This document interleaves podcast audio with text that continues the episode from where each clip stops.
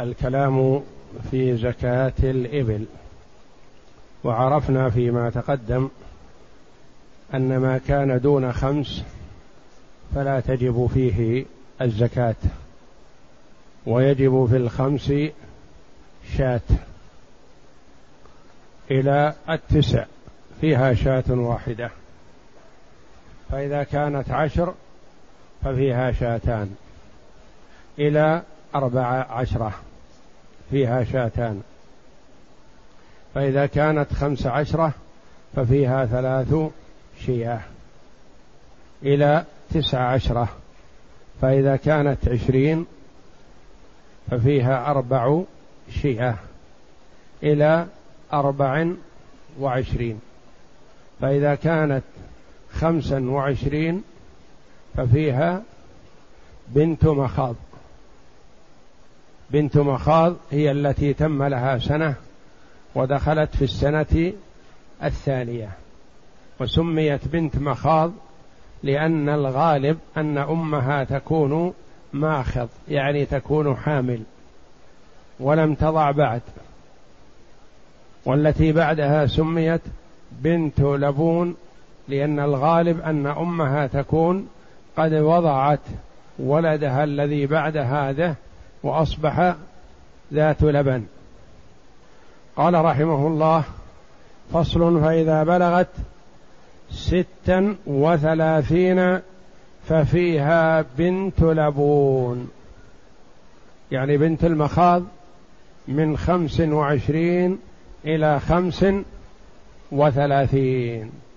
كلها فيها بنت مخاض. فإذا بلغت ستا وثلاثين ففيها بنت لبون. بنت اللبون هي التي تم لها سنتان ودخلت في السنة الثالثة.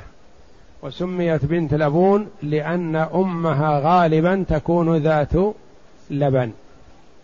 وفي ست وأربعين حقة يعني من ست وثلاثين إلى خمس وأربعين. هذه كلها فيها بنت لبون. فإذا بلغت ستا وأربعين ففيها حقة. الحقة سميت حقة لأنها حق أن تركب وأن يعلو عليها الفحل. وهي التي لها ثلاث سنوات ودخلت في السنة الرابعة. وهي التي لها ثلاث سنوات ودخلت في الرابعة وسميت بذلك لأنها استحقت أن يطرقها الفحل وتركب. يعني كان عندها استعداد وتحملت الحمل وتحملت الركوب عليها. ولهذا ورد في الحديث طروقة الفحل يعني يطرقها الفحل ويركب عليها. إلى ستين. فيها حقة. وفي إحدى وستين جذعة. يعني من ست وأربعين إلى ستين. كل هذه فيها حقة. فإذا بلغت إحدى وستين ففيها جذعة. وهي التي ألقت سنا ولها أربع سنين ودخلت في الخامسة. وهي أعلى سن تؤخذ في الزكاة. ما فوق هذه لا تؤخذ في الزكاة لأنها تكون غالية عند أصحابها وينتفعون بها. فالله جل وعلا وفرها لهم وأخذ ما دونها. وإلى هذه السن ما وصلنا إلى السن التي تجزئ في الأضحية والهدي. بالاضحيه والهدي ثني. وفي أعلى سن في الزكاة جذعة. جذعة لها أربع سنين ودخلت في الخامسة وهذه لا تجزي في الهدي ولا في الأضحية ولا في العقيقة وإنما المجزي هو الثني والثني هو ما له ما له خمس سنوات ودخل في السادسة تم له خمس سنين. من هذا نعرف أن كثيرا ممن يشتركون في هدي الإبل يخطئون يذبحون سنا دون السن المجزئة. وفي إحدى وستين جذعة وهي التي ألقت سنا ولها أربع سنين ودخلت في الخامسة وهي أعلى سن يؤخذ في الزكاة. وفي ست وسبعين ابنتا لبون. في إحدى وستين من إحدى وستين إلى خمس وسبعين. كل فيها جذعة. فإذا بلغت ستا وسبعين ففيها بنت لبون. بدأنا بالتثنية بأكثر من الواحد. ونلاحظ أننا تركنا بنت المخاض عند أول خطوة فقط. لأن الله جل وعلا افترضها على صاحب الإبل القليلة فقبلها منه جل وعلا. أما صاحب الإبل الكثيرة فلا تجزي عنه ولو ضاعف ولو أعطى عشر لأنها ضعيفة. ولا ترد السباع عن نفسها ولا تتحمل المشي مع الإبل إلا بمراعاة أمها فهي صغيرة فلذا تركت وأخذت فقط في أول خطوة في أول سن. عند التثنية ما قلنا بنت مخاض أو ثلاث بنات مخاض. ولهذا لعدم الرغبة فيها إلا مجاراة ورفقا بصاحب الإبل عند فرضها قبلنا الذكر الذي أكبر منها عنها. ولم نقبل الذكور في بقية الأنصبة والمقادير. فإبل الصدقة من الإناث لأن الرغبة في نموها وتزايدها. وإذا كانت جمالا ذكورا فلا يستفاد منها إلا بلحمها أو الحمل عليها. ونحن نريد تكاثرها. وفي ست وسبعين بنتا لبون يعني اثنتان. ومن ست وسبعين إلى تسعين كله بنتا لبون. وفي إحدى وتسعين حقتان. إحدى وتسعين. زادت عن التسعين واحدة. ففيها حقتان يعني مما تم لها لكل واحدة ثلاث سنين. إلى عشرين ومائة يعني من إحدى وتسعين إلى مائة وعشرين. كلها فيها حقتان. وإذا زادت واحدة ففيها ثلاث بنات لبون. زادت عن المئة والعشرين واحدة صار فيها ثلاث بنات لبون. حقتان فيما دونها ثلاث بنات لبون فيها. وعنه رواية أخرى عن الإمام أحمد لا يتغير الفرض حتى تبلغ ثلاثين ومائة الرواية الأخرى تقول في إحدى وعشرين ومائة وثلاث وعشرين وخمس وعشرين وتسع وعشرين كلها النصاب الأول حقتان. فيكون فيها حقة وبنت لبون. إذا بلغت مئة وثلاثين. هذا على الرواية الأخرى. وإذا وعلى الرواية الأولى في مئة وإحدى وعشرين حقة ثلاث بنات لبون. بعد الحقتين في الواحد في الواحدة والتسعين.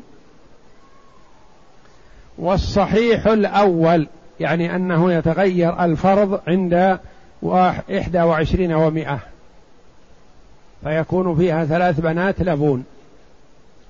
لأن في حديث الصدقات الذي كتبه رسول الله صلى الله عليه وسلم وكان عند آل عمر بن الخطاب رضي الله عنه قال آل عمر لأنه كان عند عمر ثم كان عند حفصة بعد عمر رضي الله عنهما.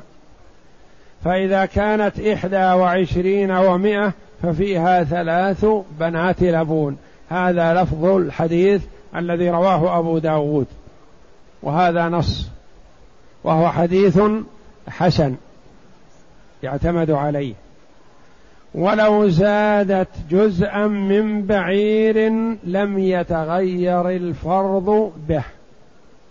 إذا زادت جزء واحد نصف بعير مثلا صار بعير مشترك بينه وبين آخر أو نحو ذلك مثلا. فإنه لا يتغير الفرض بالجزء وإنما يتغير بالكامل. مئة وعشرين فيها حقتان. مئة وإحدى وعشرين فيها ثلاث بنات لبون. ولأن سائر الفروض لا تتغير بزيادة جزء. يعني جزء الشاة وجزء البعير وجزء البقرة لا يغير الفرض وإنما الذي يغير الفرض هو التمام. فمثلا إذا كان يملك تسع وعشرين بقرة ونصف بقرة نازل عنه نصف ما نأخذ منه شيئا حتى يملك ثلاثين وهكذا. ثم بعد المئة والإحدى والعشرين ثم في كل أربعين بنت لبون وفي كل خمسين حقة للحديث الصحيح المتقدم. في كل أربعين بنت لبون وفي كل خمسين حقة. فإذا كان عنده مثلا مئة وأربعون نأخذ منه حقتين وبنت لبون واحدة.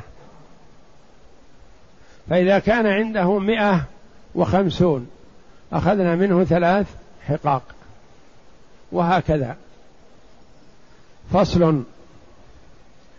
فإذا بلغت مئتين اتفق الفرضان. يتفق الفرضان في بعض الأعداد. أولها المئتان. إذا كان عنده مئتين نخيره. نقول تدفع أربع حقاق أو خمس بنات لبون. أنت بالخيار. الخيار له أم للمصدق؟ بل الخيار له رفقا بحاله. فيتفق الفرضان يعني يجتمع. لو قال أريد أن أدفع مثلا مع هذه الأسنان مثلا ما يناسب لبنت المخاض أو ما يناسب للجذعة ما قبلنا منه. وإنما في المئتين نخيره نخيره إن اختار هذا وإلا هذا لأنه يتفق الفرضان في الخمسين حقة وفي الأربعين بنت لبون. فإذا بلغت مئتين اتفق الفرضان أربع حقاق أو خمس بنات لبون. أيهما أخرج أجزأه؟ وإن كان الآخر أفضل منه. يعني الخيار له. ليس الخيار للمصدق. مثلا قد يقول المصدق مثلا عليك أربع حقاق أو خمس بنات لبون لكن أربع الحقاق مثلا كل واحدة بألف كم تعادل أربع؟ أربعة آلاف. وخمس بنات اللبون كل واحدة بتسعمائة وخمسين. فأيهما أحسن للمصدق؟ بنات اللبون. لأن خمس بتسعمائة وخمسين فتزيد عن أربعة آلاف. لكن ليس الخيار للمصدق وإنما الخيار للمتصدق. المتصدق باذل الصدقة. المصدق قابض الصدقة نيابة عن الإمام. فالخيار لباذل المال حتى وإن كان أحدهما أفضل من الآخر وأغلى ثمنا. وإن كان الآخر أفضل منه والمنصوص عنه فيها أربع حقاق وهو محمول على أن ذلك فيها بصفة التخيير لأن في كتاب الصدقات الذي عند آل عمر رضي الله عنه فإذا كانت مئتين ففيها أربع حقاق أو خمس بنات لبون. أي السنين وجدت عنه عنده أخذت. في الكتاب دلالة على التخيير وأنه لا يلزم إحداهما وليس الخيار للمصدق. ولأنه اتفق الفرضان في الزكاة فكانت الخيرة لرب المال. لأن ناخذ الأرفق به والذي يميل إليه هو. كالخيرة في الجبران. الجبران مر علينا وسيأتينا إذا لم يكن عنده السن المطلوبة مثلا فهو بالخيار إن شاء أن يشتري السن المطلوبة فبها ونعمت. أعطانا سنا أصغر من السن المطلوبة. نخيره نقول تدفع عشرين درهما أو شاتين. ما عنده السن المطلوبة وعنده سن أكبر منها نقول أنت بالخيار نأخذ السن الأكبر ونعطيك شاتين أو عشرين درهما وهذا يسمى الجبران. ولا يرد الجبران في غير الإبل. وإن كان المال ليتيم لم يخرج عنه إلا أدنى السنين لتحريم التبرع بمال اليتيم. إذا كان المال مال الرجل والواجب عليه سن وأعطانا أكبر منها أو أعطانا سنا أصغر وشاتين فله ذلك لأن هذا ماله ومن حقه أن يختار لنا الأنفع للفقراء لأنه أعطى من نفسه. أما إذا كان المال مال يتيم وهذا الرجل قيم على مال اليتيم والواجب على اليتيم مثلا حقه فلم توجد وأراد أن يعطينا بنت لبون. يعطينا بنت لبون هل نخيره بين أن يدفع شاتين معها أو عشرين درهما أم لا يصح له أن يدفع إلا أحدهما بدون خيار؟ نعم ليس له أن يختار لأن الواجب عليه أن يدفع الأدنى لأن كما نحن نطالب بحق الفقراء والمساكين فهو قيم على يتيم.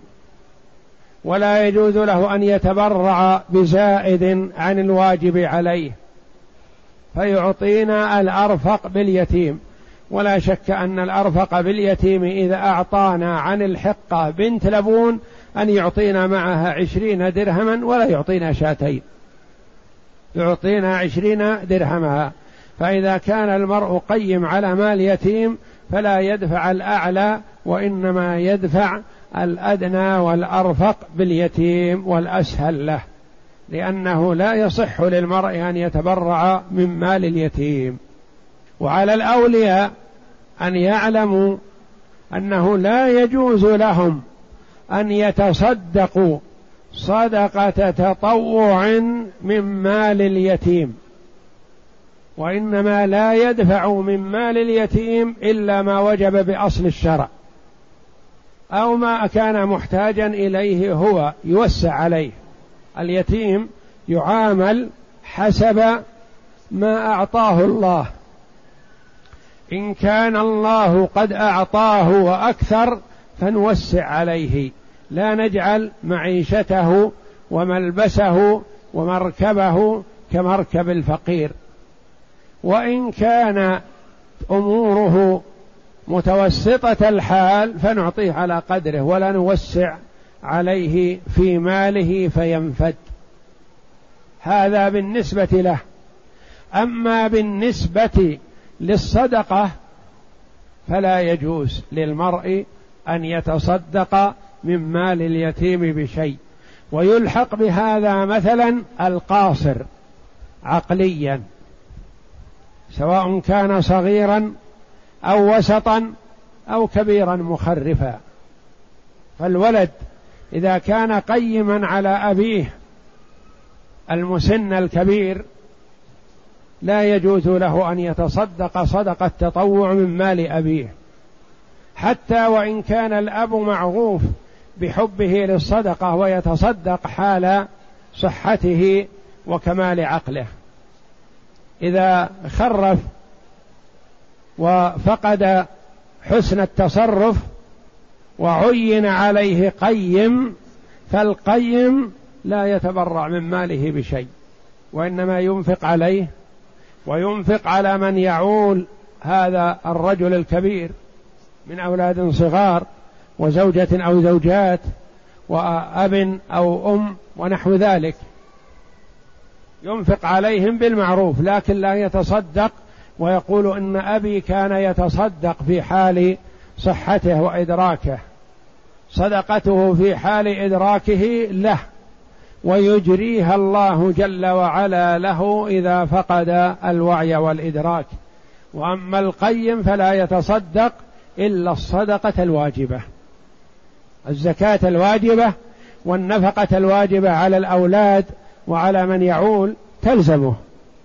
أما تبرعات كما كان يتبرع حال صحته فلا. فالقيم لا يتبرع بشيء. يتبرع من ماله بما شاء. لكن يتبرع من مال أبيه لا. وسواء كان الأب الولد قيم على أبيه الكبير أو قيم على أخيه الصغير اليتيم أو قيم على أخيه فاقد العقل أو نحو ذلك. كل قاصر لا يبذل من ماله إلا ما وجب عليه صرفه فقط. وإن كان المال ليتيم لم يخرج عنه إلا أدنى السنين لتحريم التبرع بمال اليتيم. يقول رحمه الله فإذا فإن أراد إخراج الفرض من السنين على وجه يحتاج إلى التشخيص كزكاة المئتين لم يجز وإن لم يحتج إليه. فإن أراد إخراج الفرض من السنين سن صغيرة وسن كبيرة مثلا. على وجه يحتاج إلى التشقيص يعني ينقص. مثلا عنده مئتان وخمسون. في المئتين أربع بنات أربع حقاق. وفي الخمسين حقة. صار في الجميع خمس حقاق. قال مثلا أريد أن أعطيكم أربع حقاق عن المئتين هذا لا إشكال فيه. وأريد أن أعطيكم عن الخمسين الأخرى بنت لبون وأدفع لكم شاتين أو عشرين درهما. هل نقبل منه؟ لا نقبل منه ذلك. لأنه أراد أن يجمع بين سنين مع التشقيص يعني نقص في واحد منها. الواجب لنا خمس حقاق في المائتين والخمسين. قال أريد أن أعطيكم أربع وبنت لبون وشاتين. هل نقبل هذا؟ لا. لأنه يقول أعطيكم عن الخمسين بنت لبون وشاتين أو عشرين درهما. لا يقبل منه ذلك.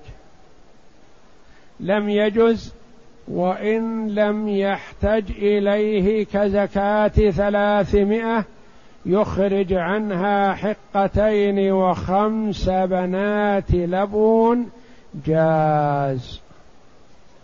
يعني في المرة الأولى لا يجوز لأنه يحتاج إلى تشقيص يعني جبر بالدراهم والشياه. لكن إذا قال أبعطيكم أريد أن أعطيكم الواجب لكم لكن من سنين مثلا. كما قال كزكاة ثلاثمائة يخرج عنها حقتين وخمس بنات لبون. ثلاثمائة كم فيها من الحقاق؟ فيها ست. فيها ست. قال أريد أن أعطيكم ثنتين حقاق. وأريد أعطيكم عن بنات اللو عن المئتين الأخرى خمس بنات لبون. نقول مقبول. هذا صحيح. لأن ما في تشقيص ما في جبر. زكاة المئة مثلا حقتان. زكاة المئتين خمس بنات لبون أو أربع حقق بخلاف الصورة الأولى فهو أراد أن يعطينا سنين مع تشقيص مع جبر. قلنا في المئتين والخمسين غير الثلاث. في المئتين والخمسين كم فيها؟ خمس حقاق. قال أريد أعطيكم أربع. عن ماذا؟ عن المئتين. وأريد أعطيكم عن الخمسين بنت لبون. وأعطيكم مع بنت اللبون عشرين درهما أو شاتين. هل نقبل هذا؟ لا. لأنه نقلنا من الفرض إلى ما هو دونه فاحتيج إلى الجبر. ونحن لا نريد أن ينوع لنا الأسنان إلا في حال لا ضرر علينا ولا عليه. كالثلاثمائة. كالثلاثمائة لو نوع لنا الأسنان فلا ضرر. لأن في المئة الأولى مثلا حقتان. وفي المئتين الأخريين خمس بنات لبون. فبدل ما نأخذ منه في الثلاثمائة ست حقاق أخذنا منه سبع من الإبل. أخذنا منه حقتين وأخذنا منه خمس بنات لبون. هذا لا ضرر علينا ولا عليه إذا أراد ذلك. أما إذا لم يرد قال خذوا خمس حقاق فهذا هو ما نستحقه. انتبه لهذه. فإن أراد إخراج الفرض من السنين على وجه يحتاج إلى التشقيص كزكاة المئتين مثلا. نمثلنا بمئتين وخمسين أو بالمئتين مثلا كذلك. قال أريد أعطيكم عن المئتين ثلاث حقاق وبنت لبون وأدفع عشرين درهما. نقبل منه لأنه يريد أن يعطينا عن الخمسين الرابعة بنت لبون وعشرين درهما. فلا نقبل منه ذلك.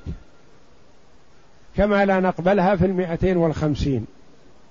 ونقبلها السنان الاختلاف في السن في الثلاث مئة لأنها تطابق. نأخذ عن المئة الأولى حقتين ونأخذ عن المئتين الأخريين خمس بنات لبون. على وجه يحتاج إلى التشقيص كزكاة المئتين لم يجز وإن لم يحتج إليه كزكاة ثلاثمائة لا تقف عند قوله وإن لم يحتج إليه. وإنما نقول وإن لم يحتج إليه كزكاة ثلاثمائة يخرج عنها حقتين وخمس بنات لبون جاز. وإن لم يحتج إلى التشقيص جاز. وإن وجدت إحدى الفريضتين دون الأخرى أو كانت الأخرى ناقصة تعينت تعين إخراج الكاملة وإن وجدت إحدى الفريضتين دون الأخرى. قال أريد أن أعطيكم حقتين وخمس بنات لبون. فلما فتش ما وجد خمس بنات لبون كاملة. قال أريد أن أعطيكم جبر. بدل بنت اللبون مثلا أعطيكم حقة. وآخذ الشقص الفرق. أو أعطيكم دون منها بنت مخاض. وآخذ وأعطيكم الفرق. شاتين أو عشرين درهما. نقول لا. لا تنوع. وإذا كانت ليست عندك فلا نقبل التشخيص والخلاف. وإنما قبلنا منك الحقتين وخمس بنات اللبون لما كنا عندك مع إبلك. ما يحتاج إلى جبر قبلناها منك. أما والحال يحتاج إلى تلفيق وجبر فنريد منك عن الثلاثمائة ست حقاق وننتهي وتستريح ونستريح. عنده خمس بنات لبون لكن واحدة من الخمس معيبة. يقول خذوا حقتين وخمس بنات لبون لكن هذه انظروها ترى معيبة. نقول لا يا أخي ما نقبل معيبة. عطنا ست حقاق وخل بنات اللبون لك كلها. وهكذا. وإن وجدت إحدى الفريضتين دون الأخرى أو كانت الأخرى ناقصة يعني في إحدى الفريضتين. تعين إخراج الكاملة لأن الجبران بدل لا يصار إليه مع وجود الفرض الأصلي. إذا كان هناك فرض أصلي الذي هو الحقاق وأراد أن يعطينا بنات اللبون ثم بعد ذلك أراد أن يعطينا جبر عن هذه معيبة أو يعطينا بنت مخاض عنها بنت مخاض ويعطينا شاتين أو عشرين درهما. ما قبلنا ذلك ما دام الحقاق موجودة نقول أعطنا الخام الست. وإن احتاجت كل فريضة إلى جبران أخرج ما شاء منهما. يعني الفريضة المطلوبة منه ليست موجودة عنده. واحتاج إن يعطينا أصغر ويدفع معها. أو يعطينا أكبر ونعطيه عنها شاتين أو عشرين درهما. فما الحكم؟ نقول هو بالخيار. هو رب المال وهو الدافع. ادفع لنا الصغيرة واجبرها بالزائد أو ادفع لنا الكبيرة ونعطيك الزائد.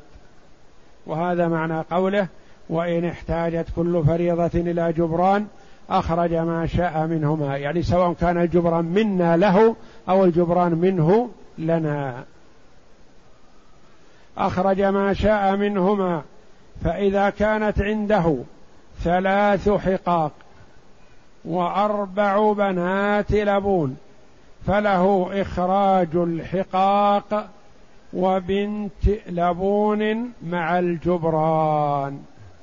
يخرج الثلاث الحقاق ويخرج ويعطينا بنت اللبون ويدفع معها الجبران حتى تصل إلى مستوى الحقاق فتجزي عن المئتين. أو بنات لبون وحقة ويأخذ الجبران. يعني نعطيه نحن يعطينا بدل بنت اللبون حقة ونعطيه نحن شاتين أو عشرين درهما. وإن أعطى حقة وثلاث بنات لبون مع الجبران لم يجزئه لأنه يعدل عن الفرض مع وجوده إلى الجبران ويحتمل الجواز. يعني إذا كانت المسألة تحتاج إلى جبران وهو عنده الفرض كاملا ففيه روايتان هل يقبل منه الجبر أو لا يقبل منه. وإن كان الفرضان يعني السنان معدومين أو معيبين فله العدول إلى غيرهما مع الجبران. إذا كان الفرض المطلوب منه معدوم أو ليس معدوم بل هو عنده لكنها مرضى. فقال هذه حقة لكنها مريضة. نقول لا نحن لا نقبل الفريضة. يقول ما عندي بدلها إلا بنت لبون. نقول أعطنا بنت لبون وادفع معها شاتين أو عشرين درهما. فإن كان الفرضان معدومين أو معيبين فله العدول إلى غيرهما مع الجبران. فيعطي أربع جذعات ويأخذ ثمانية شياه. يعطي أربع جذعات عن أربع حقاق. ويأخذ منا الفرق وهو مع كل جذعة يدفعها شاتين. فإذا كان الواجب عليه أربع حقاق مثلا وما عنده أو عنده ولكنها مراض قال أريد أن أعطيكم جذعات كم يعطينا؟ أربع بدل أربع. وكم نعطيه ثمان شياه لأن الفرق بين الجذعة والحقة الواجب لنا حقة وهو دفع جذعه نعطيه الفرق شاتين أو عشرين درهما عن كل واحدة فإذا دفع أربع أعطيناه ثمان شياه أو ثمانين درهما. ويأخذ ثمانية شياه أو يخرج خمس بنات مخاض وعشر شياه. أو ويأخذ خمس ويأخذ ثمانية شيء أو يخرج خمس بنات مخاض وعشر شياه. هو يدفعها لأجل أن تجبر النقص الذي عليه. ولعل هنا بنات لبون عندكم كذا بنات؟ وإن احتاج أن ينتقل من الحقاق إلى بنات المخاض مع الجبران أو من بنات اللبون إلى الجذعات مع الجبران لم يجز لأن الحقاق وبنات اللبون منصوص عليهن فلا يصعد إلى الحقاق بغي بجبران ولا ينزل إلى بنات اللبون بجبران. والله أعلم وصلى الله وسلم وبارك على عبد ورسول نبينا محمد وعلى آله وصحبه أجمعين.